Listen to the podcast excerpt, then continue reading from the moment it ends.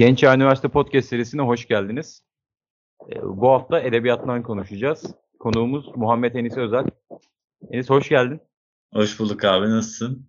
İyidir. Sen nasılsın? İyiyim ben de çok şükür. Ee, Enis edebiyattan konuşacağız dedik. Ee, biraz Muhammed Enis Özel'den bahsedebilir misin? Neden onunla edebiyat konuşuyoruz? Edebiyata ilgisi merakı nereden geliyor? Ee, şu an ne yapıyor Muhammed Enis Özel? Bunları bizlere anlatabilir misin?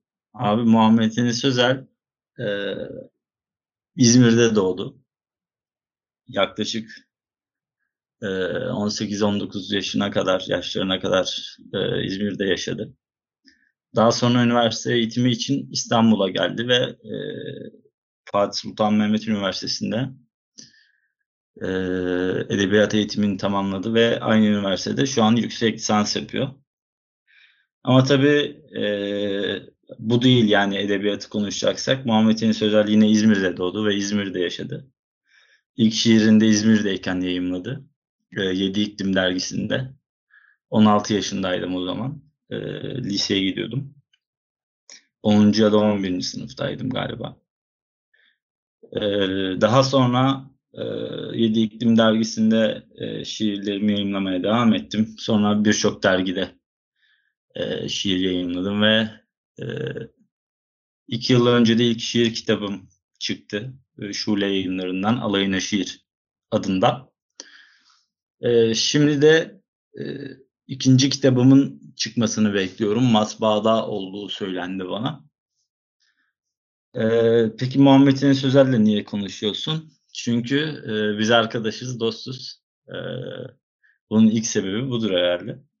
Çünkü bir e, edebi muhit üzerinden e, tanışmadık. Yani birbirimizi e, bu şekilde bulduk. Bu yüzden e, benimle konuşuyorsun. Yani onun en pratik cevabı bu olabilir. Ee, eyvallah.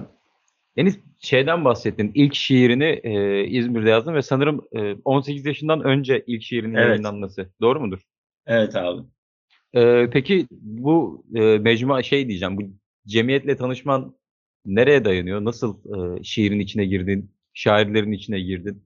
Ve Abi şöyle, bir dergide ben- yayınlanacak kadar. Ee, ona girmedim. Ben şöyleydim abi ben e, tribün kovalıyordum İzmir'de. Ben Göztepe'liyim. İçimde e, çok enerjik bir çocuktum. Yaramaz bir çocuktum. E, büyüyünce serseri bir çocuk oldum biraz. Ergenliğimi e, hızlı yaşadığımı söyleyebilirim. E, ama e, şiirle tanışmam enerjimin yönünü değiştirdi. E, ve o çok büyük enerji sarf ettim şiir içerisinde. Yani çok okudum ve deli gibi yazmışımdır. Sadece şiir de yazmadım. Günlük yazıyordum, deneme yazıyordum, sürekli yazıyordum. Hiç durmadan yazıyordum yani. Her gün illa bir şeyler yazardım yani. Ee, çeşitli dergilere de şiirlerimi gönderiyordum. Ee, Yedi İklim ilk yayınladı ve e, zannediyorum 17 yaşındayken ben e, Raşit Ulaş e, beni İstanbul'a Genç Şairler Atölyesi adındaki bir e, programa davet etti. E, dolayısıyla İzmir'e geldim. Yedi İklim dergisine gittim. E, Fayrap dergisine gittim ve e, edebiyat muhitlerine bu şekilde e, edebiyat muhitleriyle bu şekilde iletişim kurmaya başlamış oldum. E, öyle de devam etti. Zaten sonra üniversite için İstanbul'a geldim. E, burada şiirle uğraşan arkadaşlarla tanıştım, dost oldum. E, bir araya geldim. Bu şekilde oldu yani. Ee, şiiri ben biraz şiirden başlattım meseleyi ama edebiyat genel olarak sen e, günlük yaz, günlük de yazdın, deneme de yazdın. E, tabii nihayetinde şiir de yazdın. E, bir insan neden yazar? Ben bunu merak ediyorum açıkçası. Yani e, bahsettin yani ben biraz e, heyecanlı bir gençlik yaşadım, gençlik geçirdim. E, acaba bunu e, bu heyecanın evrildi mi, şiire mi evrildi? Sen ne düşünüyorsun bu konuda? Yani bir insan neden yazar? Abi, içinde e, boşluğu mu doldurur yazıyla? bir insan neden yazar sorusu e, bence e, birçok cevabı olan bir soru ve e, herkesin de farklı bir e, cevap verebileceği bir soru. Ben e, benim bu soruya e, cevabım şu, bilmiyorum. Neden bilmiyorum? E, çünkü kendimi bildim bileli e, içimde işleyen bir ritim vardı sanki. Yani öğrendiğim her şeyi e, başka bir şeyle e, örtüştürmeye çalışırdım. E, bu ritmi sadece e, ses anlamında kullanmadığımı söylemek için söyledim bunu. E, çünkü anlamın da bir ahengi var e, elbette. Yani e, bir şeyi bir şeye benzetmek ve e, bu benzetimin e, benzetilenin benzeyene uygun olması da e, ahengi hmm, ihtiva eden bir şey yani bir durum. E, hep böyle bir insandım yani. Dolayısıyla bilmiyorum. Büyük ihtimalle e, şimdi şu çok artistik bir cevap olur. E, yani şu an söylediklerim de öyle oluyor muhtemelen. E, doğduğumdan beri böyleyim falan filan ama e, gerçekten de bunu hissediyorum. Yani bir yerde başlamadım bir şey gibi hissediyorum yani. E, enerji meselesine gelince kaderimin şiirini yazmış oldum yani. Oradaki e, ne bileyim tribünlerden e, sahaya atlayan çocuk ya da işte turnikelerden atlayıp metroya binen çocuk şiir yazmış oldu. Yani o çocuğun şiirini yazmış oldum ama onu satmadım yani. Yarı yolda bırakmadım. Çok güzel. Ee, yani benim de aslında gözümde biraz hani şey, nasıl söyleyeyim bir döngü halinde canlanıyor bu anlattığın serüven. Ee, Muhammed Enis Özel'in özellikle kendi serüveni. Ee, yani şey bir şekilde dönüşüyor gibi ve aslında en temelde olan bir şey bu. O, oradan başlıyor ve farklı yerlerde kendini buluyor. Bir şekilde evet, buluyor. Evet, bir şiirin zaten değişmeyen bir şey olduğunu falan düşünüyorum yani. Hep aynı şey yani. Sadece e, şair kaderini e, kaderi aynı düzlemde devam eden bir şairin şiiri değişmez diye düşünüyorum mesela. Yani. Ee, bir şey daha sormak istiyorum. Bu e, önce, biraz önce konuştuğumuz meselelerden bir tanesi de dergiler meselesi. E, ben açıkçası 2015 civarı filan şiir dergileriyle tanıştım ve e, aklıma şu gelmişti ya bu devirde e, biraz çok çok amatörce ve kendimden aslında biraz da utanabileceğim bir düşünceydi bu. E, bu devirde hala insanlar şiir çıkartıyorlar ve bunun için çabalıyorlar. Birçoğu cebinden para ödeyerek bunu yapıyor. E, yani bir hobiden çok daha ciddi bakıyorlar bu meseleye. Çok evet. şaşırtmıştı bu beni. E, ve işte hani onlarca yüzlerce dergi var şu anda hala yayınlanmakta olan. Dediğim Hı. gibi bunları insanlar kendi ceplerinden para ödeyerek, e, tutkularının peşinden giderek yapıyorlar. Sen bu konuda ne düşünüyorsun? Yani e, yani dergilerin bitmiş olması gerekmez miydi hani bu devirde? 2022 yılına girdik ve dergiler hala devam ediyor. İnsanlar hala bunun için çabalıyorlar. Yani bu ne tutkulu bir e, iştir. Bu konuda ne düşünüyorsun? Abi ata binen bile var. Yani ee, ama yani bu kadar basit bir cevap vermiş olmayayım. Sonuçta dergiler abi e, mikro iktidar alanları. Dolayısıyla ben şairlerin e, yaptıkları bütün bu masrafların boş olduğunu da düşünmüyorum yani. E, maddi bir karşılığı olmasa da e, kendi düşüncelerinin iktisatlarını karşılığını alıyorlar yani. E, bu bence çok değerli bir şey ve bu olması gereken de bir şey. Yani ben bugün e, matbu dergiciliğin e, devam etmesini memnuniyetle karşılıyorum. Ancak e, yeni kayıt sistemlerinin de e, şiir için etkili olması gerektiğini düşünüyorum bir yandan. Ama e, tabii bu yeni kayıt sistemleri de farklı bir e, mikro iktidar alanı sağlayacaktır şairlere. Evet, ben de mutlaka bu matbu dergi meselesinde çok büyük hayranlıkla tepki verdiğimi söylemek istiyorum. Hani yanlış anlaşılmasın. Gerçekten çok kıymetli gördüğüm bir şey. Senin de aslında biraz devrimci olduğun bir yöne eğilmek istiyorum. Bahsettim küçücük bir kapı açtın orada. Bu kayıt sistemleriyle alakalı. Şimdi bu kayıt sistemleri uzun bir süre yazılı olarak devam etti edebiyat alanında. Ve şimdi senin e, bir e, nasıl söyleyeyim bir vizyonun var ve e, şiirin farklı bir noktaya evrilebileceğini düşünüyorsun. Bu konu hakkında bizleri aydınlatabilir misin? Yani Enis Özel'in o fikrini e, biraz açabilir misin? Açayım abi. Ee, şöyle ben e, Orhan Veli'ye kadar gelen süre içerisinde şairlerin e, yazının zanaat olduğu bir devrin e, düşünce iktisadını kullanarak şiir yazdığını düşünüyordum. Yani tabi bu e, matbaa ile beraber kırılmaya başladı ama o garipçilerle birlikte e, en keskin halini aldı e, diye düşünüyorum. E, çünkü şiirin e, içten okunan bir şeye dönüşmesi gibi bir durum var. E, söylenen e, veya söylendikten sonra yazılan bir şeyden e, yola çıkan şiirin e, daha sonra yazılıp sonra seslendirilen e, bir şeye dönüşme olayı bence şiir için bir dönüm noktası, çok önemli bir dönüm noktası. Bu dönüm noktasını bir e, mihenk kabul ediyorum. Ve e, bunun da yani Orhan Veli'nin yaptıklarını da ya da Oktay Rıfat'ın, Melih Cevdet'in çok kıymetli buluyorum. Çünkü e, onlar e, kayıt sistemlerinin e, çok mühim olduğunu kendi ağızlarıyla da dile getiriyorlar garip ön sözünde. E, ve bugün e, ayrıca ben onların e, hesaplaşırken divan şiirinin değil işte e, yazının zanaat olduğu devrin zin iktisadını taşıyan e, şiirle hesaplaştıklarını düşünüyorum yani. Bu arada şimdi ben bu cümleleri kurallı mı kuruyorum falan bunları takip etmeye çalışıyorum bir yandan. Bunu yapmamam gerek değil mi? Yani, Konuşuyoruz yani. Yok yok konuşuyoruz devam. Yani hiçbir problem yok onda bu arada. Anlaşılıyorum yani. Tabii tabii.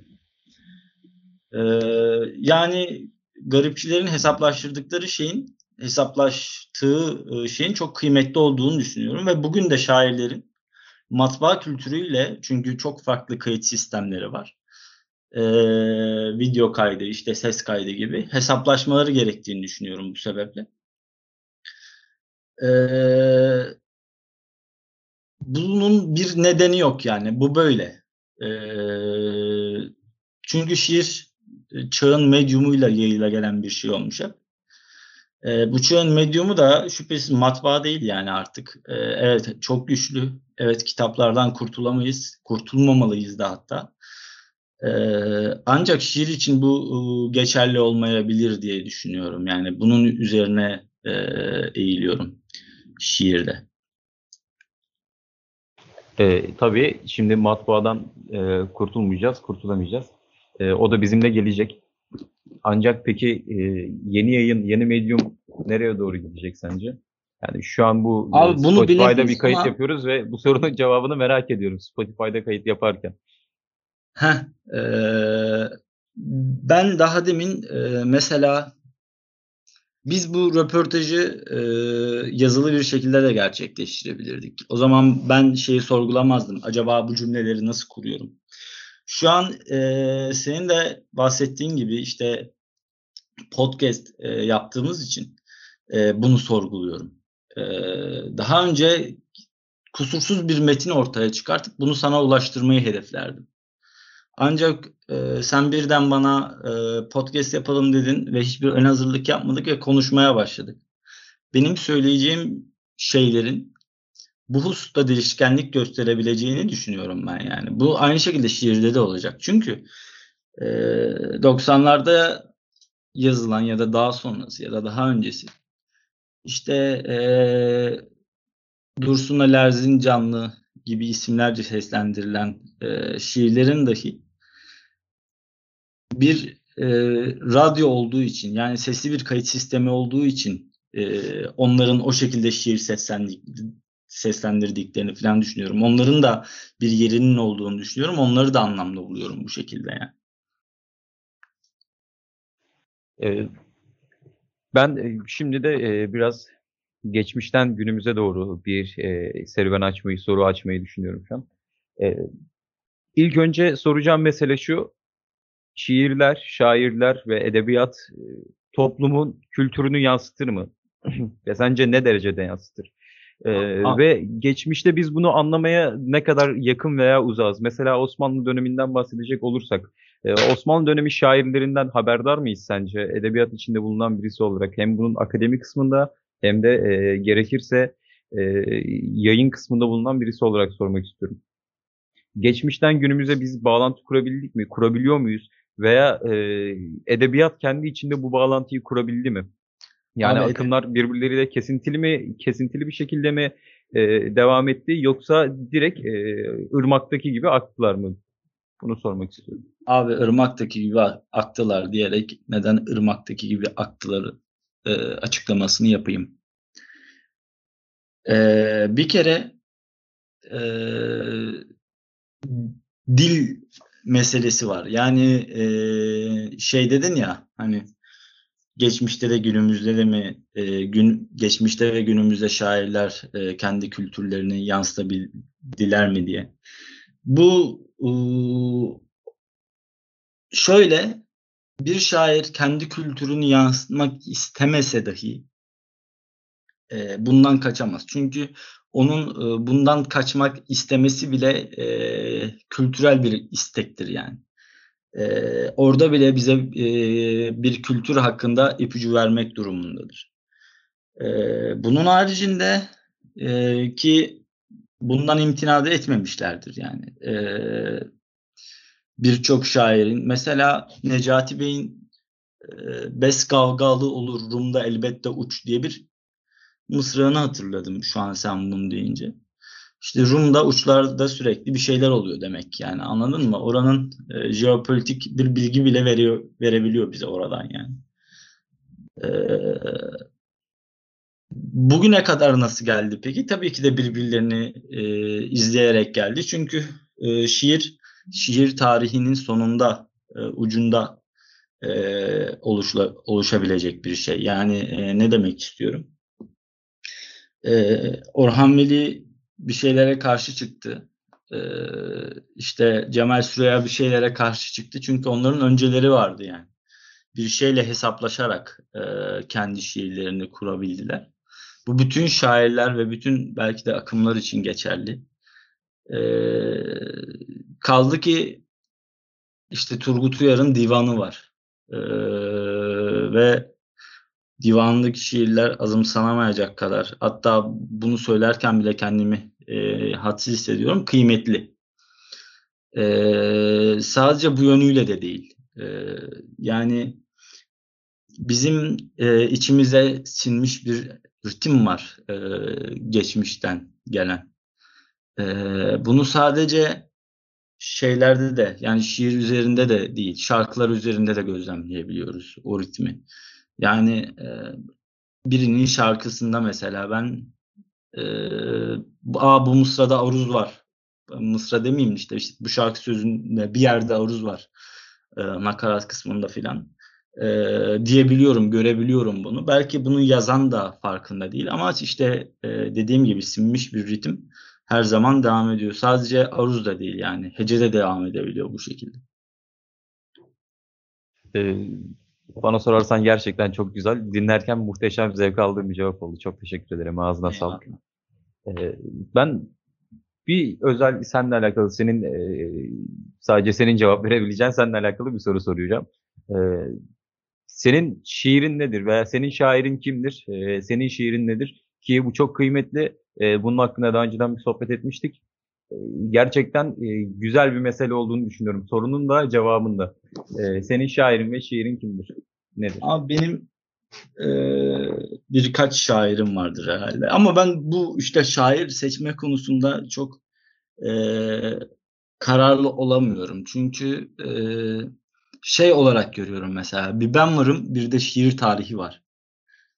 E, bununla ilgileniyorum daha çok. E, şu şair bu şair değil yani. Ama benim e, şairim e, şiirlerini e, çokça okuduğum elbette ki isimler var. Yani divan şairleri içerisinde de var. Fuzuli var, Necati Bey var.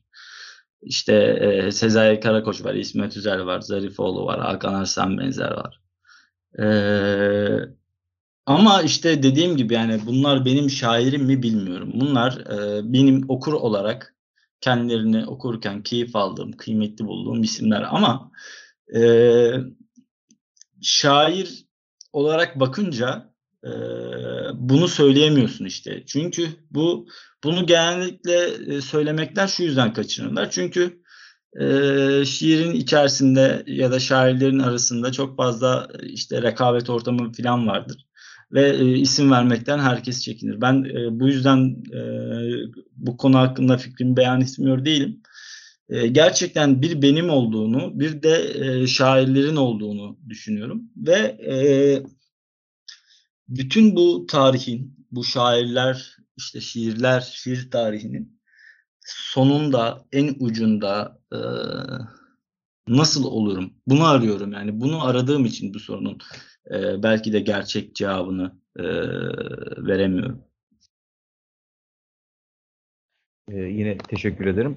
Ee, güzel, tam bir şaire yakışır bir cevap oldu bu arada. Bana sorarsan. Eyvallah. Ee, son olarak da vaktimizin yavaş yavaş sonuna gelirken e, senden birkaç şiir kitabı tavsiyesi istiyorum. Ee, dönemlerini yine sen seç, sen belirle. Ee, onun dışında önerebileceğin sevgili dinleyenlerimiz için bir e, film, dizi veya dediğim gibi bir edebi eser, bir dönem var mı? Abi benim e, en sevdiğim film galiba e, Karayip Korsanları. Ama herkes izlemiştir. Belki izlenmemiştir diye Big Fish'i önerebilirim. E, çok sevdiğim bir film. E, herkesin okuduğu bir şairi e, yine önermektense e, ben e, arkadaş Zekai Özger'in şiirlerini e, çok çarpıcı buluyorum. E, onun okunmasını önerebilirim. E, ve eskiden de bir şair e, önereceksem e, bu da şimdilik Nedim olsun. Evet, teşekkür ederim. Çok sağ ol. Enis, e, yani sohbetin için e, gerçekten çok teşekkür ederim. E, verdiğin e, bilgiler olsun. E, bizlere edebiyattan bahsetme lütfuna e, gösterdiğin için yine çok teşekkür ederim. E, Eyvallah abi, teşekkür rica ederim. Beni mahcup ediyorsun. Estağfurullah. Kaçtır, kaçtır bunu söyleyeceğim. Ben böyle şeylere gelemem yani. Allah'tan yok. videolu falan konuşmadık. Yoksa ben ilk altından gülmüş olurdum. Ve Ben çok teşekkür ederim. Gerçekten e, şairlerin ve özellikle senin gibi kıymetli insanların e, böyle teklifimizi kabul etmesi bizi de çok mutlu ediyor. Samimi kalpten söylüyorum. abi inadına mı yapıyorsun bilmiyorum ama çok teşekkür ederim yine de. Eyvallah. Ee, var mı eklemek istediğin bir şey? Ee, söylemek istediğin bir şey varsa? Abi ben ben de sana çok teşekkür ediyorum. Ee, özellikle e, Beytullah Usta gibi e, güzel bir insanla konuştuğum için çok mutluyum. Ee, şu an seni sana mukabele etmeye çalışıyorum kardeşim. Ama buna Evet, gerek yok. ya. Sen beni bilirsin. Ee, yerini de bilirsin bendeki. Teşekkür ederim abi. Eyvallah. Ben de çok teşekkür ederim. Ağzına sağlık. Genç Çağ Üniversite Podcast serisini e, dinlemeye devam edin. Ee, hepinize bizleri dinlediğiniz için çok teşekkür ederim. Her zaman belirttiğim gibi lütfen yorumlarınızla ve geri dönüşlerinizle bizleri e, bilgilendirin. Nereye doğru evrilmemizi, yönelmemizi istiyorsanız söyleyin. Mutlaka e, riayet etmeye çalışacağız. E, teşekkür ederim. Teşekkür İyi günler ederiz abi. dilerim. İyi günler. İyi günler. İyi günler. İyi günler.